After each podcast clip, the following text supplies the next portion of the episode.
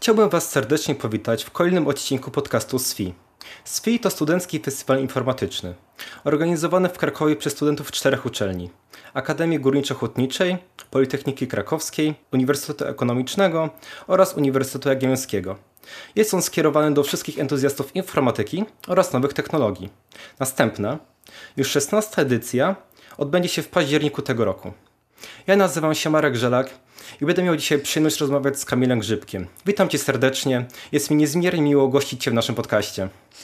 Cześć Marku, witam wszystkich słuchaczy. Dziękuję bardzo za zaproszenie. Nie ma za co. Dla nas jest to także przyjemność. Na samym początku chciałbym Cię poprosić, abyś w kilku słowach przybliżył naszym słuchaczom, czym się zajmujesz. Nazywam się Kamil Grzybek, mieszkam w Warszawie. Jestem e, programistą, architektem, e, team leadem w warszawskiej firmie ITSG, gdzie zajmujemy się dostarczaniem oprogramowania, e, które rozwiązuje jakieś konkretne problemy biznesowo. Oprócz tego całe programowanie jest trochę moją taką pasją. Staram się dzielić wiedzą na blogu, na Twitterze moje zainteresowania, jeżeli chodzi o programowanie, to głównie architektura oprogramowania, domain-driven design i, i zwracanie uwagi na, na jakość e, kodu, które, które, który, który, który tworzę. Prywatnie tata, mąż, opiekun psa, e, lubię pobiegać, więc, więc w, sumie, w sumie to tyle tak w skrócie e, o mnie. Jak możemy usłyszeć, na pewno się nie nudzisz. Na, na pewno się nie nudzę. Y, czasami ciężko jest znaleźć trochę czasu jeszcze na, na rozwijanie mojej pasji, natomiast no, jak to mówił chyba Arnold Schwarzenegger, jeśli nie masz czasu, to zrób czas, tak? Więc, więc tak staram się do tego podejść. Jak to mówią, jesteśmy panami własnego losu. Tak jest, dokładnie. No dobrze. Powiedziałeś o wielu rzeczach, które poruszymy w późniejszym czasie, ale najpierw ja chciałbym przejść do jakby początku, czyli do Twojej edukacji. Z tego co wiem, jesteś absolwentem Politechniki Warszawskiej, a dokładnie kierunku informatyka i specjalizacji inżyniera programowania. Jak z obecnej perspektywy oceniasz ten wybór kiedyś? Wybór tego, tej uczelni, tego kierunku? Mhm. No, studia skończyłem chyba 8 lat temu. Tak dzisiaj starałem sobie przypomnieć mniej więcej, ile tego czasu minęło. No, co mogę powiedzieć? Na pewno uważam to za, za jakby bardzo dobrze, e, dobry e, krok, e, który, który poczyniłem w, w tamtym czasie i, i myślę, że większość absolwentów studiów informatycznych tak, tak uważa, gdyż no, jak wiadomo, rynek IT wygląda jak wygląda. Mamy jakby rynek pracownika, oczywiście to się trochę teraz zmieniło przez sytuację z koronawirusem, natomiast no, nadal jakby branża IT jest jakby jedną z najbardziej perspektywicznych i, i bardzo łatwo na, na tle innych profesji znaleźć sobie zatrudnienie w tej, w tej branży. No i, no i druga kwestia jest taka, że jest to jakby no bardzo bardzo y, ciekawe, ciekawe zajęcie, tak, dużo wyzwań przed, przed, przed osobami, które y, pracują w, w IT. Więc ja uważam, że y, jakby to, że poszedłem na, na studia informatyczne, bardzo dobrze to oceniam. To nie muszę już Cię pytać, czy myślałeś o jakimś innym opcji kiedyś?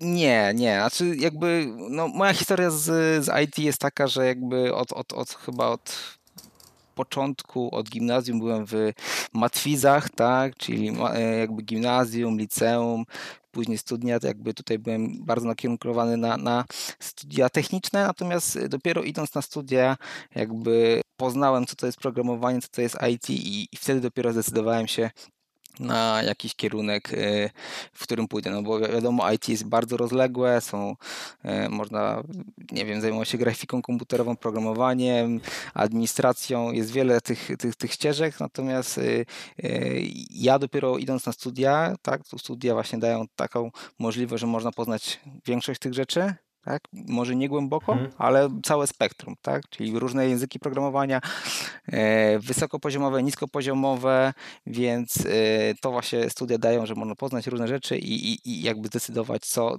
co mnie kręci i w tę stronę później dalej pójść. Mhm. Tak jak mówisz, na studiach można dowiedzieć się wielu rzeczy, ale co według Ciebie jest jedną najważniejszą albo najważniejsze rzeczy, które Ty z tych studiów wyniosłeś? Mhm Wydaje mi się, e, że przede wszystkim solidne podstawy. Tak? IT jest tak szybką branżą, że no, ciężko by było zrobić taki program, który się nie zdezaktualizuje na studiach. Dlatego studia e, moim zdaniem powinny uczyć takich właśnie podstaw, takiego backgroundu, tak, który jakby mhm. się nie zdezaktualizuje, bo IT i na przykład programowanie to jakby jest bardzo młoda dziedzina, tak, to ma powiedzmy gdzieś dziesiątki lat, nie tak jak, nie wiem, na przykład architektura budynków, gdzie to można liczyć w setkach czy tysiącach. Więc to jest, tu nadal mamy młodą, yy, młodą tą branżę i to, dlatego są te ważne te podstawy. Czyli jeżeli ja zdobędę te, te podstawy na studiach, to później, nieważne jaki ja, nie wiem, framework wybiorę, jaką technologię, jaką wybiorę, to te podstawy mi się bardzo, bardzo przydadzą. I, I, jakby dzięki studium mogę wybrać sobie taki kierunek, znać te podstawy i później już sam zdecydować, gdzie, w którą stronę chcę iść. To, to, przede wszystkim te solidne podstawy. No i druga rzecz to jest e, moim zdaniem samodzielność i dyscyplina, tak? Bo jakby w szkole, w liceum, gimnazjum mamy tak, że jednak jesteśmy trochę nawet ciągnięci przez nauczycieli i rodziców, natomiast jak już idziemy na studia, jesteśmy już pełnoletni i wtedy zaczynamy decydować o sobie i tutaj się właśnie liczy już ta samodzielność, dyscyplina i studia uczą tego, tej samodzielności, dyscypliny, która później w pracy jest, jest bardzo potrzebna i jest bardzo ceniona przez pracodawców, tak? czyli osoba, która jest, jest samodzielna, potrafi sama e, sobą zarządzać, jest zdyscyplinowana, to właśnie takie osoby są chętnie zatrudniane, tak, tu już mówimy o takich właśnie e, skillach mhm. miękkich, ale to jest też bardzo ważne, tak? Czyli nie tylko te techniczne aspekty osoby, ale też te właśnie miękkie, jak potrafi pracować. Mhm. Czyli z tego, co wszystko mówisz, jestem w stanie stwierdzić, że informatykę raczej byś polecił innym ludziom. Bo to troszeczkę inne pytanie. Kto według Ciebie do tej informatyki jakby najlepiej się nadaje? Jakby, jaki typ człowieka? Mhm.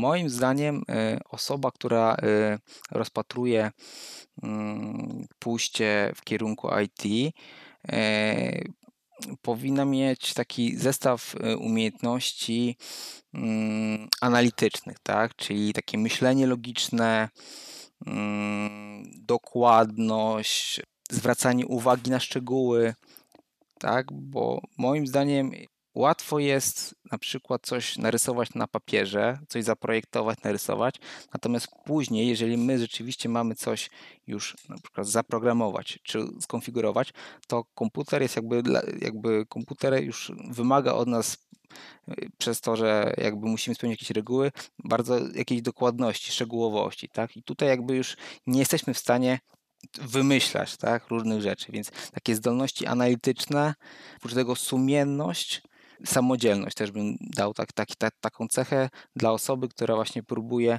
iść w stronę IT, no bo nie ukrywajmy się, e, bycie w branży IT to jest ciągła nauka. To nie jest tak, że my nie wiem, po studiach 5 lat, 5 lat nauczymy się czegoś i później się już nie musimy uczyć.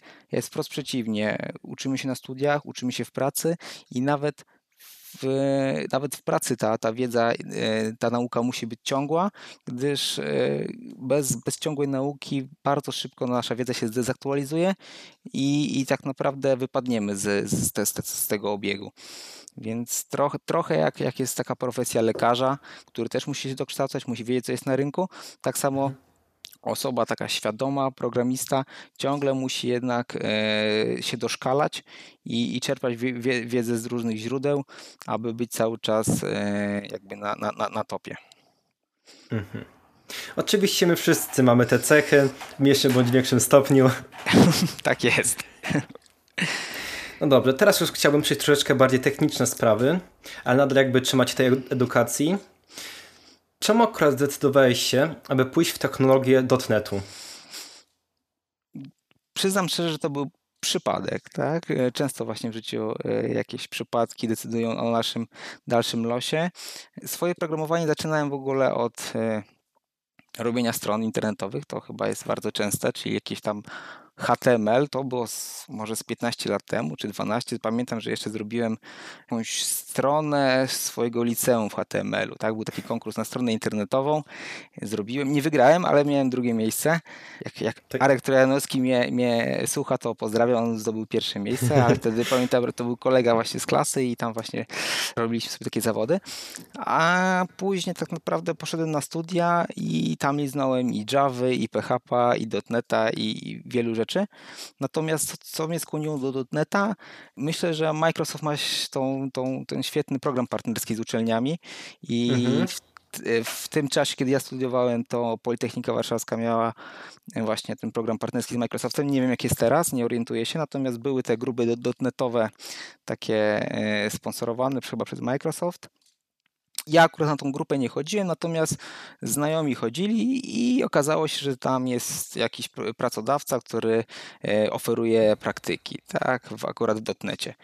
Jako, że ja tam coś tam kojarzyłem tego dotneta, to powiedziałem, a czemu nie, spróbuję sobie. To był chyba czwarty semestr studiów mhm. I poszedłem na takie praktyki i okazało się, że bardzo mi się to spodobało. Odbyłem te praktyki, a po pół roku mm, zmieniłem pracę i jakby już tam poszedłem na, na takie stanowisko, można powiedzieć, chyba młodszego programisty, tak się teraz to nazywa, chociaż no to, to już było 8 czy tam 10 lat temu, więc e, dużo czasu minęło. E, no i jakby na tym dotnecie zostałem do tej pory, z czego jakby e, na ten moment jestem bardzo zadowolony. To najważniejsze. Ale dobra, przechodząc dalej.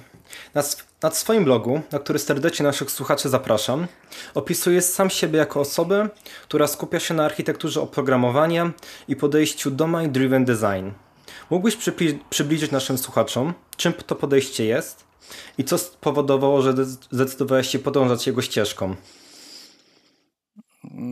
Podejście Domain Driven Design to jest podejście, które skupia się na biznesie, tak? czyli na wytwarzaniu oprogramowania, które służy jakiemuś celu, które spełnia jakieś e, potrzeby biznesowe, daje jakąś wartość biznesową.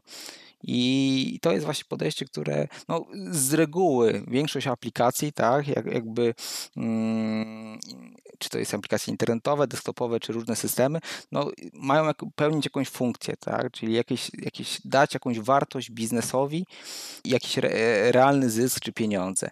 Więc jakby ta podejście Domain Driven Design jest to zestaw takich technik, nawet e, można powiedzieć narzędzi, które e, wspierają tak, takie tworzenie oprogramowania, które właśnie spełnia te potrzeby biznesowe. I tutaj możemy rozgraniczyć e, jakby takie dwie kategorie wzorców Domain Driven Design, strategiczne i taktyczne, czyli możemy stosować te wzorce na różnych poziomach. Strategiczny to na przykład, jeżeli chcemy jeżeli chcemy na przykład zaprojektować jakiś większy system i, i, składać go z różnych podsystemów i jak te systemy mają się komunikować, to wtedy używamy wzorców na przykład strategicznych, a jeżeli chcemy już przejść do implementacji jakiegoś konkretnego modułu, serwisu, systemu, to wtedy możemy korzystać z wzorców taktycznych.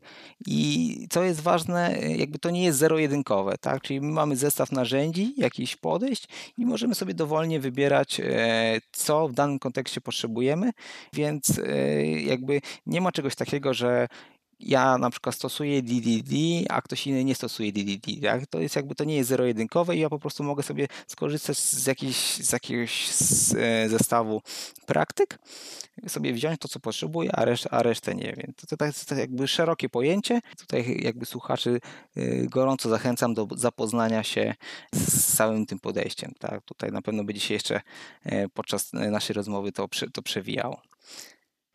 Na pewno. Z tego co też wiem, e, na SWI będziesz mieć wykład pod tytułem Modular Monolith Architecture One Rule Them All.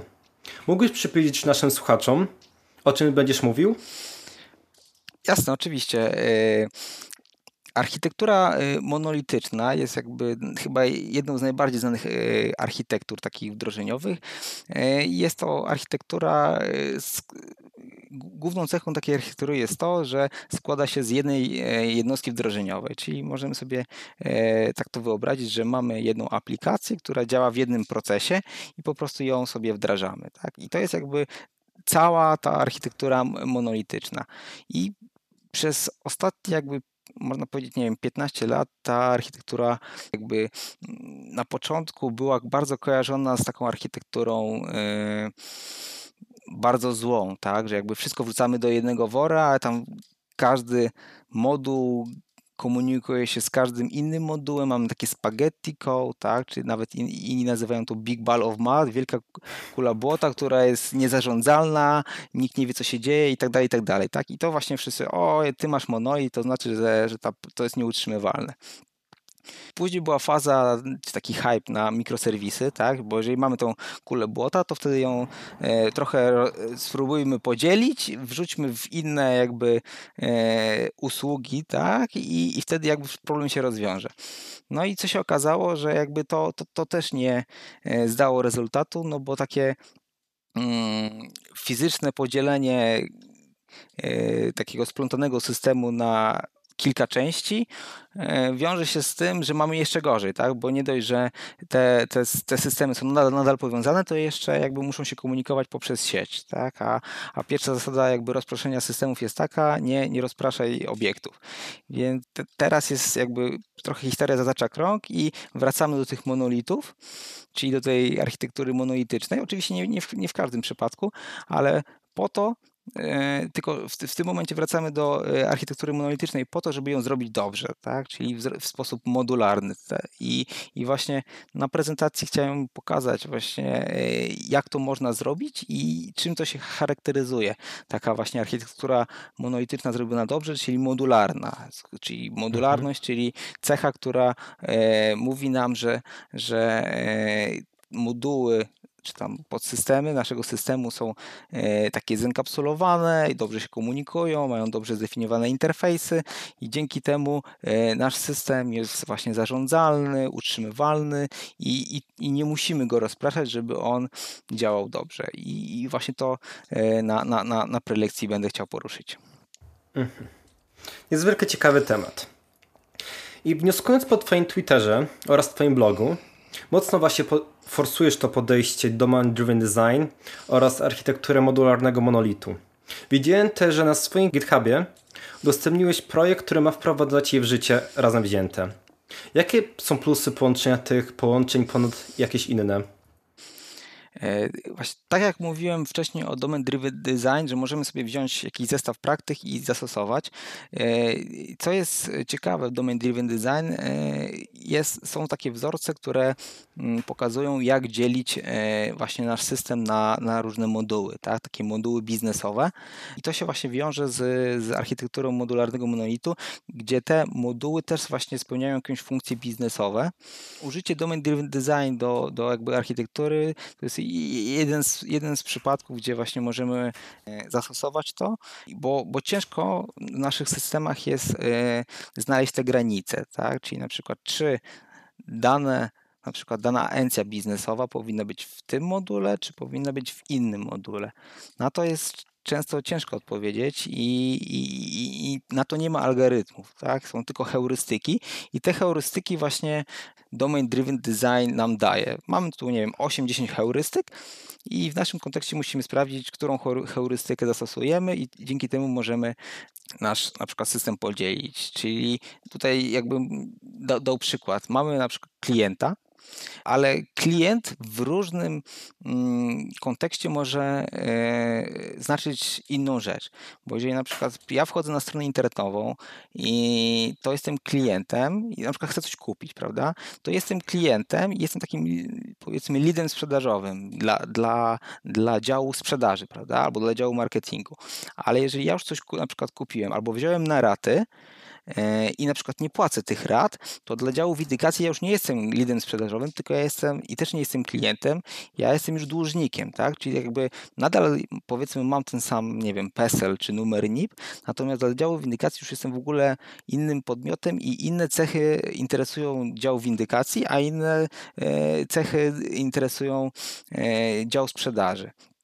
I dzięki na przykład właśnie domain driven design możemy spróbować takie granice właśnie e, znaleźć, wyeksplorować, e, co, co się wiąże z tym, że tak jak w DDD mamy ten wszędobylski język, tak, i mamy te granice lingwistyczne. Tak jak powiedziałem tutaj, jak pójdę do, do działu windykacji, to oni mnie nie nazwą mi klientem, tylko mnie nazwą dłużnikiem, a w dziale sprzedaży mi nazwą na przykład właśnie leadem. I to już widać, że to są już dwa różne konteksty, które można by było zaimplementować w osobnych modułach. Więc mniej więcej tak, tak to wygląda, jeżeli chodzi o modularny monolit, czyli moduły mamy e, zorientowane biznesowo. I tak samo jest właśnie w architekturze mikroserwisowej, gdzie też DDD wspiera taką architekturę, powstawanie takiej architektury, że też moduły, które są już w osobnych serwisach, też powinny być dzielone według właśnie takich e, granic lingwistycznych czy, czy, czy innych heurystyk. No jest to na pewno interesujące podejście, ale często zalecanym podejściem jest też test-driven development. Jakie według Ciebie są plusy e, Twojego jakby podejścia domain-driven design e, nad nim i czy w ogóle możemy je porównywać, czy to są jakby dwie osobne e, sprawy? Ja bym powiedział, że to są dwie ortogonalne e, kwestie. Tak? Domain Driven Design skupia się na, jakby na, na, na wytwarzaniu oprogramowania zorientowanego na biznes. E, Test Driven e, Development jest to mm, sposób już tworzenia rozwiązania, sposób implementowania go, który polega na tym, że myślimy o, o tym, co co ja mam zrobić, co ja mam dostarczyć, jaki mam mieć interfejs, e, piszemy test, a później dopiero do niego y, piszemy implementację. Więc tak naprawdę e, te y, podejścia są jakby rozłączne i możemy stosować zarówno jedno, jak i drugie, albo łącznie, tak? Więc to nie, nie, powiedziałbym, że test driven development jest to bardzo ciekawe y, narzędzie, też nie do zastosowania wszędzie. Tak samo jak Domain Driven Design, to też jest tylko podejście, które można zastosować w, w jednym mm, kontekście, ale w drugim nie za bardzo, bo jeżeli na przykład nie mamy jakiejś złożoności biznesowej do implementacji, na przykład nasz system jest prosty, to też y, stosowanie jakichś takich technik bardziej zaawansowanych nie, nie, jest, nie jest zawsze konieczne. I tutaj test driven development ma próg wejścia też wyższy, tak samo jak Domain Driven Design, e, więc nie polecałbym na początek przygody z programowaniem, natomiast w pewnym e, etapie swojej kariery, tak, uważam, że to są e, ciekawe, ciekawe koncepty i podejścia, które osoba związana z IT, z wytwarzaniem softu powinna znać. A sam z nich też korzystasz? Zdecydowanie tak. E, z Domain Driven Design i z Test Driven Development e, staram się na co dzień, e, ale to też akurat mm, mam takie projekty, tak? Głównymi moimi klientami są klienci enterprise'owi, tak? Czyli na przykład jakieś firmy z, z branży medycznej czy, czy z bankowej, więc tam jakby ta złożoność jest, już jest spora, mm, więc w tym przypadku akurat często po te, techni po techniki sięgam. Natomiast e, zdarzały też się projekty, gdzie, gdzie tak naprawdę nie, nie potrzeba było aż tak wysublimowanych technik i można było to e, zaimplementować w normalny e, sposób. A gdyby ktoś chciał pójść w Twoje ślady i właśnie zająć się modularnym monolitem czy dom domain driven design, co byś mu poradził? Przede wszystkim zachęcam do czytania książek. Mm, wiadomo, każdy się uczy inaczej. Niektórzy są wzrokowcami, niektórzy muszą właśnie coś zobaczyć, żeby lepiej pojąć. Natomiast ja mam taką obserwację, że y, aktualnie jest bardzo dużo wiedzy w internecie na przykład, jest bardzo dużo podcastów, filmów, prezentacji. Można by było godzinami siedzieć i to oglądać. Mm, ja y, z racji tego, że na przykład mam teraz dużo mniej czasu, to staram się jakby e, bardzo wybiórczo podchodzić do tych materiałów. I uważam, że właśnie książki to jest takie źródło, gdzie ktoś już tak naprawdę przejrzał ten internet prze, prze, za mnie i spisał przeanalizował, spisał y, te najważniejsze kwestie, tak? I tak naprawdę oczywiście też książki mają y, różnych autorów i którzy i są różnej jakości, natomiast y, dużo książek takich autorów jak Martin Fowler, Uncle Bob, tak, czy nie wiem, Domain Driven Design, Vernon, Kent Beck, który właśnie wprowadził test driven development i extreme programming. To są takie osoby, autorzy, których tak naprawdę mogę polecić w ciemno, e, żeby zapoznać się z ich literaturą, bo ich książki są ponadczasowe, tak? I jak ja je czytałem nawet 15 lat temu, wracam do nich teraz i pewnie za 10 lat też będę do nich wracał. Po prostu oni, oni podają mm, przykłady i takie podejścia, które są uniwersalne, które można zastosować zawsze. I tutaj właśnie jeżeli chodzi o modularność, o właśnie o architekturę oprogramowania, no to są świetne wybory, więc tutaj gorąco zalecam zapoznanie się z dobrymi książkami, e, a jest ich bardzo też dużo, więc jest w czym wybierać. A masz jakiś swój sposób na znajdowanie e, właśnie takich książek, które warto poczytać, które nie będą stratą czasu? Wydaje mi się, że najlepiej z polecenia to jest takie pierwsze sito. Jeżeli e, ufamy jakiejś osobie, ona się zna na, te, na, na temacie i nam poleci jakąś książkę, to myślę, że polecenie to jest taki pierwszy wybór. Można poszukać po, po internetach, są różne rankingi książek, tak, na przykład jakieś, jest chyba nawet ranking książek yy, najbardziej cytowanych na Stack Overflow. No, myślę, że spokojnie można znaleźć właśnie takich e, jakieś bestsellery na Amazonie, tak? Oczywiście to, to, że na przykład książka jest oceniana najlepiej e, przez wiele ludzi, to, to też nie znaczy, że to ona jest najlepsza, tak? Wiadomo, ale jest to jakiś tam powiedzmy mhm. wskaźnik, z którym się można sugerować też y, ja jestem taką osobą, która stara się, y, jeżeli zgłębiam temat, to na przykład przeczytać dwie, trzy, jeżeli są na rynku, dwie albo trzy książki na jeden temat. I dzięki temu mam jakby, bo każdy autor ma swoje spojrzenie na dany temat, więc y, staram się właśnie, tak jak powiedziałem, dwie, trzy książki przeczytać na jeden temat i, i wtedy jakby najłatwiej mi jest zrozumieć dane, dane, pojęcie, czy dany cały temat, tak, z różnych stron. I, i wtedy, bo jeden autor może coś inaczej e, zdefiniować, drugi autor może o czymś nie dopowiedzieć, a jeżeli mamy kilka źródeł i sobie je tak zbierzemy, to wtedy e, wydaje mi się, że jest dużo lepszy pogląd. Oczywiście to wymaga więcej czasu od nas, ale jestem jakby zwolennikiem takiego głębokiego podejścia do tematu. Jeżeli coś, jak już robimy naprawdę, chcemy się zgłębić, to zróbmy, zróbmy dobry research, wybierzmy dobre materiały, przysiądźmy do tematu, a na pewno to się opłaci i zaprocentuje w przyszłości. No, na pewno solidna podstawa pomaga w zrozumieniu czegoś i pracy w tym. Z tego co też wiem, tak jest. jesteś zwolennikiem podejścia software craftsmanship. Czym się ono objawia? Ogólnie i u ciebie. Hmm, software craftsmanship e, jest to e, podejście, e, jakbym w jednym słowie miał je określić, to profesjonalizm, tak? I tutaj wcześniej mówiłem właśnie o tych na przykład lekarzach czy architektach budownictwa i według mnie na, na dzień dzisiejszy w IT jakby nie ma takiego postrzegania w osobach, które programują. E, nie ma jakby takiego poszanowania tego, mm, tego zajęcia. To też się wiąże z tym, że rynek jakby jest bardzo dużo podaż na, na programistów i rynek się bardzo właśnie tutaj e, jest, jest, jest, jest, jest bardzo duży.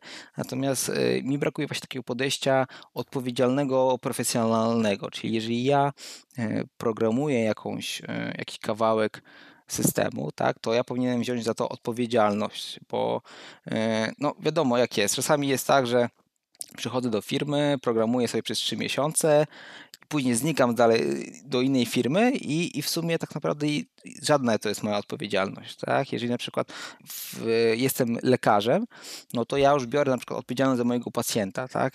Jeżeli chodzi w, o IT, to my czegoś takiego nie mamy. I tutaj właśnie chodzi o, o, o dla mnie, jak ja właśnie Mm, rozumiem software craftsmanship, to właśnie takie podejście odpowiedzialne, profesjonalne i co, co jest ważne, jeżeli chodzi, jak zdefiniować, czy jesteśmy profesjonalni, czy nie. To znaczy, że nasze rozwiązanie nie tylko działa, bo jakby działanie, jeżeli coś zaprogramowaliśmy, to rzeczywiście daje działa tak, jak było założone, to jest dopiero początek. Bo później ktoś to musi utrzymać, ktoś to musi zmienić, to musi wdrożyć i tak dalej, i tak dalej. Więc to nie tylko musi działać, ale to musi mieć też odpowiednią jakość, musi mieć, musi być po prostu dobrze wykonane, tak? I tu właśnie moim zdaniem e, jest różnica między takim, taką osobą e, nieprofesjonalną, a profesjonalną, że profesjonalista będzie wiedział, że tutaj się musi skupić na jakości, że to rozwiązanie, y, ten kod może żyć jeden rok, albo 5 lat, albo 10 lat i to nie tylko ma działać, ale to musi być też dobrze wykonane. I jeszcze jeżeli chodzi o software craftsmanship, to bym powiedział, że bardzo ważne, bardzo ważna jest komunikacja z członkami zespołu, czyli te umiejętności miękkie i z klientem, czyli nie tylko te zdolności techniczne, czyli nie wiem, znajomość frameworków, narzędzi, algorytmów i tak dalej, ale też te zdolności miękkie, czyli my jest, powinniśmy być w stanie się dogadać z biznesem, dogadać z naszym zespołem, e, umiejętna komunikacja i to też właśnie jeżeli chodzi o e, Agile Manifesto, tak, no bo stąd się też software craftsmanship pojawił, że pojawiło się Agile, ale te Agile jakby, które było realizowane, no to też nie wyszło tak jak to było w założeniach, więc właśnie powstał ten Software Craft Machine kierunek, dzięki któremu osoby odpowiedzialne za wytwarzanie softu powinny właśnie brać odpowiedzialność i być profesjonalni, być podchodzić do, do swoich jakby obowiązków profesjonalnie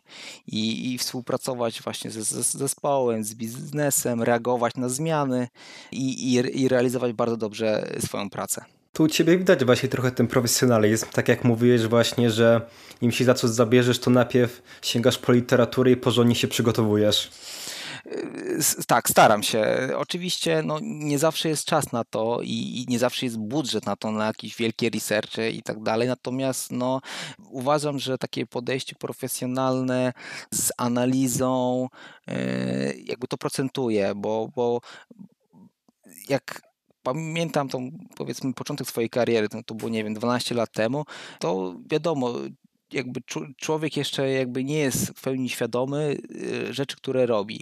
I dopiero później, jak się patrzy wstecz, to, to, to, tak się zastanawiam, jak ja mogłem coś takiego popełnić. Tak? Więc im e, więcej nauczę się od tych osób, które już te błędy popełnili, tym mniej błędów ja popełnię e, teraz, tak? Więc staram się jakby czerpać właśnie wiedzę, e, no bo te błędy, które oni popełnili, to, to jest najlepsza nauka, tak? To na, najlepiej się uczymy na, na, na błędach, a nie na sukcesach innych, tak? Czyli rzadko właśnie w internecie czy czy w książkach pokazywane jest e, takie e, failure story, tak, że ojej, tu mi się nie udało. Często jest po prostu pokazane, o jak mi świetnie się udało tutaj jakiś stworzyć cokolwiek. Natomiast tutaj właśnie ważne są te porażki, czyli jak ktoś jednak, to nie jest tak, że wszystko jest kolorowe, tylko tutaj mieliśmy różne jakieś problemy i jakie na przykład rozwiązaliśmy, tak, i właśnie i jak ja na przykład ten problem spotkam na, na, swojej karierze, to ja już będę wiedział, jak go rozwiązać, bo ktoś już to miał, to już jest problem rozwiązany i nie ma e, po co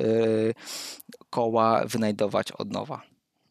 Czyli klasyczne porzekadło naszych rodziców, aby uczyć się na błędach innych, ma, że tak powiem, swoje zastosowanie nawet w informatyce. Zdecydowanie. Uniwersalna zasada, szczerze polecam. Na Twoim blogu znalazłem zakładkę z manifestem programisty. Przyznam szczerze, że trochę mnie to zdziwiło, gdyż jest to dość niespotykana, przynajmniej w mojej opinii, rzecz. Co skłoniło cię do jego spisania i jak ci idzie podążanie według tego, według prac, które w nim spisałeś?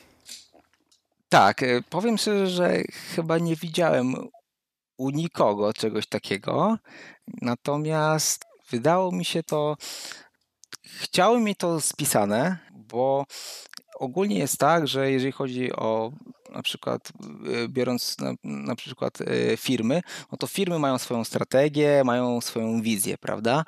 Więc dlaczego y, nie można tego wziąć i przełożyć na jakby na osoby indywidualne. Osoby indywidualne, czyli, czyli tak naprawdę e, normalni ludzie, też powinny, według mnie, powinny mieć jakąś swoją strategię i jakąś wizję na siebie. Tak? Dzięki temu w pewnych sytuacjach wiedzą, jak się zachować, jakiś tam powiedzmy system reguł i wartości.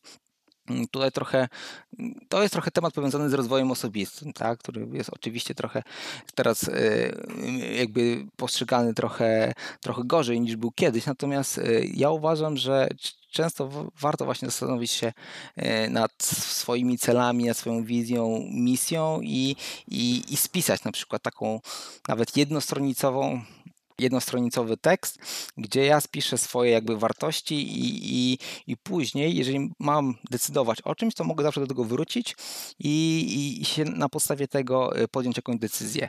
Natomiast yy, i tutaj właśnie zrobiłem coś w tym stylu, że nie dość, że spisałem to, to jeszcze chciałem to opublikować, żeby osoba, która wchodzi na, na, na mojego bloga, tak, no wiadomo, to są różne osoby, których najczęściej nie znam, żeby wiedziała, jakimi wartościami e, ja się kieruję e, i na przykład o czym może ze mną porozmawiać, tak? No bo dla, dla niektórych są ważne takie rzeczy, dla niektórych są inne.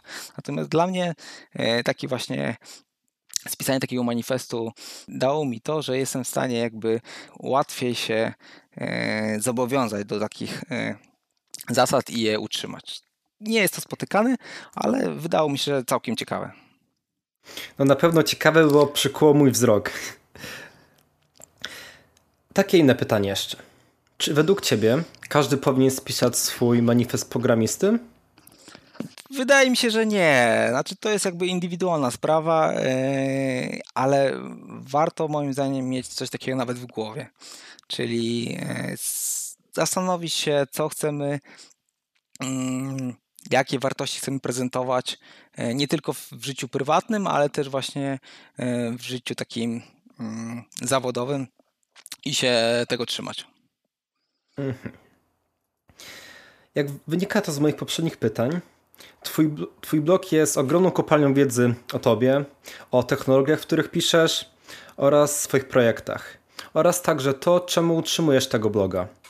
Jednak e, mi przyszło do głowy inne pytanie. Skąd się wziął pomysł na tego bloga na samym początku? Co było tą iskierką, która sprawiła, że zdecydowałeś się go założyć i go pisać? Pomysł tkwił w mojej głowie już od dawien dawna, to chyba z 8 lat. Wystartowałem chyba w 2008 z moim blogiem. Mm, y, jakby zawsze miałem mm, ochotę dzielić się swoją wiedzą, natomiast szczerze przyznam, e, że też brakowało mi odwagi, tak? No bo jakby założenie swojego bloga i pisanie o kwestiach IT no nie jest takie łatwe, tak? No bo wiadomo, że dużo osób może to przeczytać i, i może zwalidować, czy naprawdę, czy, to, czy ty się znasz na tym temacie, czy się nie znasz na tym temacie. I według mnie blokował mnie trochę też jakby takie moje podejście e, perfekcjonizm, tak? Że zawsze myślałem, no ten, ten artykuł nie będzie super, ktoś przyjdzie i mnie skrytykuje i tak dalej. Natomiast w pewnym momencie uznałem, że e, to jest bez sensu, no bo nigdy nie da się po prostu e, realizować coś, czegoś w sposób perfek, perfekcyjny i zawsze może być lepiej, więc lepsze jest wrogiem dobrego, lepiej e, coś zrobić, niż po prostu w nieskończoność odkładać te decyzje. I, i, I, z tego powodu po prostu w pewnym momencie zdecydowałem się, nieważne, nieważne co będzie, zakładam swojego bloga i, i chciałbym się po prostu dzielić wiedzą, e, żeby inni też mogli z tego skorzystać. I tak naprawdę wszystkie moje obawy, które miałem, że nie wiem, ktoś wejdzie i skomentuje jakoś źle, to nie miały miejsca. Nawet jeżeli ktoś mi, nie wiem, skomentował coś, że uważa inaczej, to jest to świetna okazja do nauki. To jest po prostu kopalnia wiedzy, bo tak naprawdę z całego świata osoby mogą przyjść i skomentować coś, co ja robię i, i, i, widzę, że to, co robię właśnie prywatnie na blogu, to procentuję w mojej pracy i odwrotnie. To, co robię w pracy, no to procentuję na moim blogu e, w, i da, dalej w rozwoju mojej pasji, więc e, uważam, że e, jeżeli ktoś się waha w tym momencie, żeby czy odpalić bloga, czy nie, no to powinien tak naprawdę to zrobić już teraz. Po prostu zamknąć oczy, raz, dwa, trzy, wykupić najtańszą domenę, wykupić hosting i, i po prostu pisać i po prostu zobaczyć. Oczywiście to nie jest dla każdego, bo, bo na przykład nie, nie, niektórzy, e, nie wiem, nie, nie lubią pisać, albo po prostu na przykład lepiej się będą sprawdzać w, we vlogach, czy w jakimś innym E, źródle, kanale komunikacji. Pisanie nie jest dla wszystkich, ale, ale warto naprawdę, bo to strasznie otwiera oczy i, i można e, dużo się z tego nauczyć. Jak to mówią, na, najlepiej się uczyć ucząc innych i właśnie też blog to też jest trochę takie właśnie, e, jeżeli ja, ja, coś piszę, no to też to muszę z, sprawdzić, bo wiem, że ktoś na to wejdzie i będzie mógł to przeczytać, więc ja muszę jeszcze bardziej dogłębniej przeanalizować jakiś dany temat i to jest właśnie fajne, że to mnie nawet motywuje do jeszcze większej pracy i, i samodoskonalenia. Mam nadzieję, że teraz się nie pomylę, ale Krzysztof Bury w jednym z poprzednich z naszych odcinków powiedział właśnie e, coś, co tutaj sparafrazuję, że nigdy nie ma momentu, kiedy będziemy wiedzieć, że tak, teraz możemy się udzielić wiedzą. Po prostu trzeba zacząć. Zgodziłbyś się z tym? Zgodziłbym się, podpisuję się obiema rękami pod tym, co powiedział e, Krzysztof Bury. Nigdy, znaczy nawet można powiedzieć tak, okay, ja mam około 12 lat doświadczenia komercyjnego.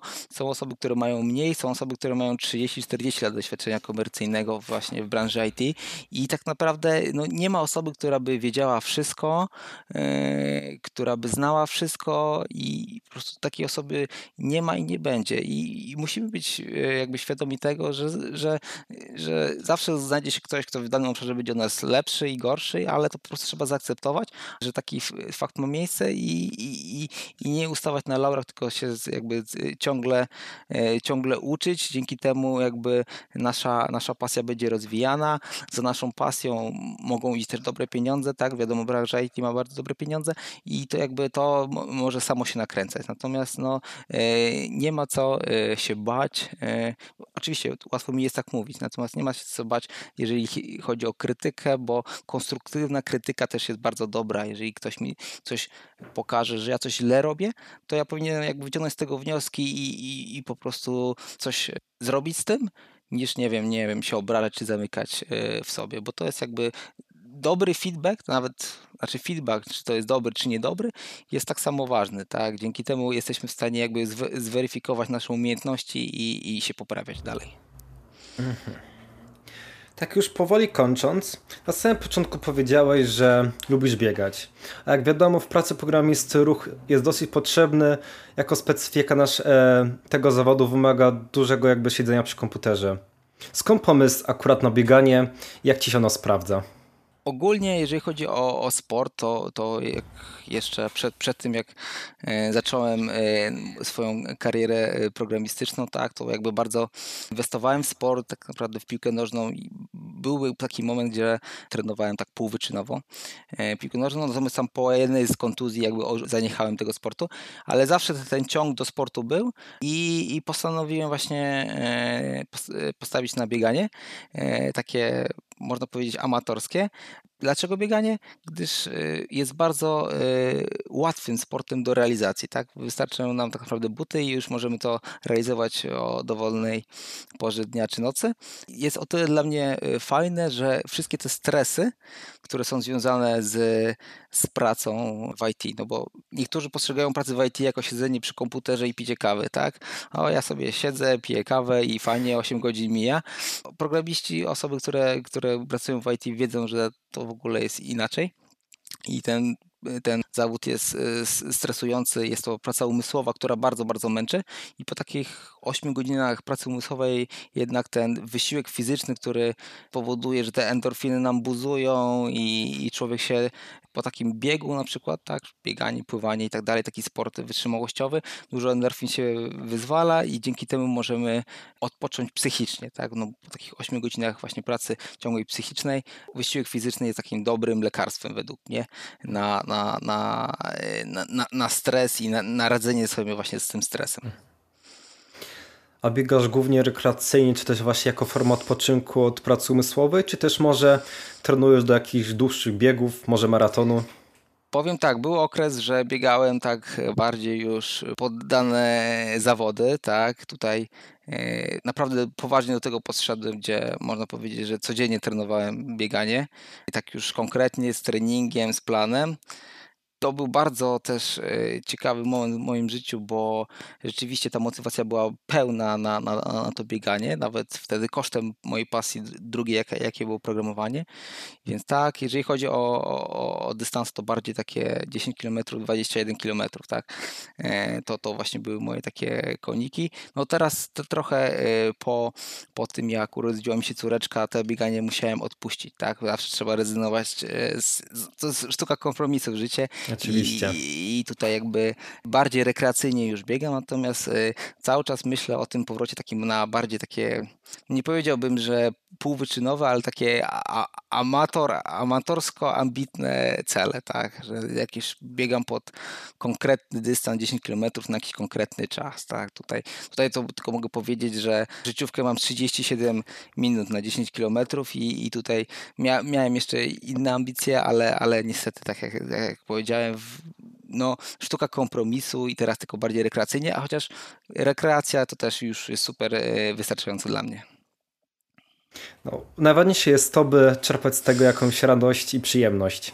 Tak jest, to jest najważniejsze, przyjemność, radość, więc tutaj jakby szczerze polecam dla osób, które y, siedzą przy komputerze 8 godzin dziennie, jak i więcej, no to, to nawet już nie jest y, rekomendacja, a, a tak naprawdę to trzeba robić, no bo y, po po wielu latach spędzonych przed komputerem i, i kręgosłup i, i, jakby oczy, no to to wszystko, to wszystko później się kiedyś odezwie, więc y, jeżeli nie, nie zaczniemy pracować nad sobą też właśnie kwestii fizycznej, no bo jakby organizm to jest, znaczy są naczynia połączone i, i musimy nie tylko dbać o jakby nasz umysł i sferę umysłową, ale też musimy zadbać o siebie w sposób taki właśnie fizyczny, tak, czyli zdrowe odżywianie, to wszystko ma wpływ też na naszą karierę, tak, taką powiedzmy programistyczną, tak, jeżeli już mówimy o tym. No dobrze. Tym pozytywnym akcentem chciałbym zakończyć. Bardzo dziękuję Ci za tą przyjemną rozmowę. Dzięki wielkie Marku, bardzo miło było tą tu się rozmawiało. E, dziękuję wszystkim słuchaczom. E, no, co mogę więcej powiedzieć? Zapraszam na, na swoją prelekcję na, na konferencji. E, miejmy nadzieję, że wszystko się odbędzie i tak naprawdę zapraszam na, na, na, na swoją prelekcję i do dyskusji. Możecie mnie łapać na, na Twitterze. Chętnie się podzielę wiedzą. Jeżeli są jeszcze jakieś pytania, to dawajcie znać, czy to właśnie przez bloga, czy Twittera, czy, czy przez inne kanały socialowe. Zapraszam. Ja serdecznie Was zachęcam do właśnie zadawania tych pytań, jeśli jakieś się pojawią. A z mojej strony chciałbym Wam serdecznie podziękować za wysłuchanie tej rozmowy. Poza tym chciałbym zaprosić Was do przesłuchania poprzednich wywiadów. Nasi ostatni goście to Adam Hertle oraz Noel Silver. Poza tym zachęcam do śledzenia naszych mediów społecznościowych Facebooka, Instagrama, Twittera, by być na bieżąco z naszymi akcjami, podcastami bądź różnymi konkursami. Do usłyszenia w następnym odcinku i do zobaczenia na 16 edycji Studenckiego Festiwalu Informatycznego w Krakowie. Dziękuję.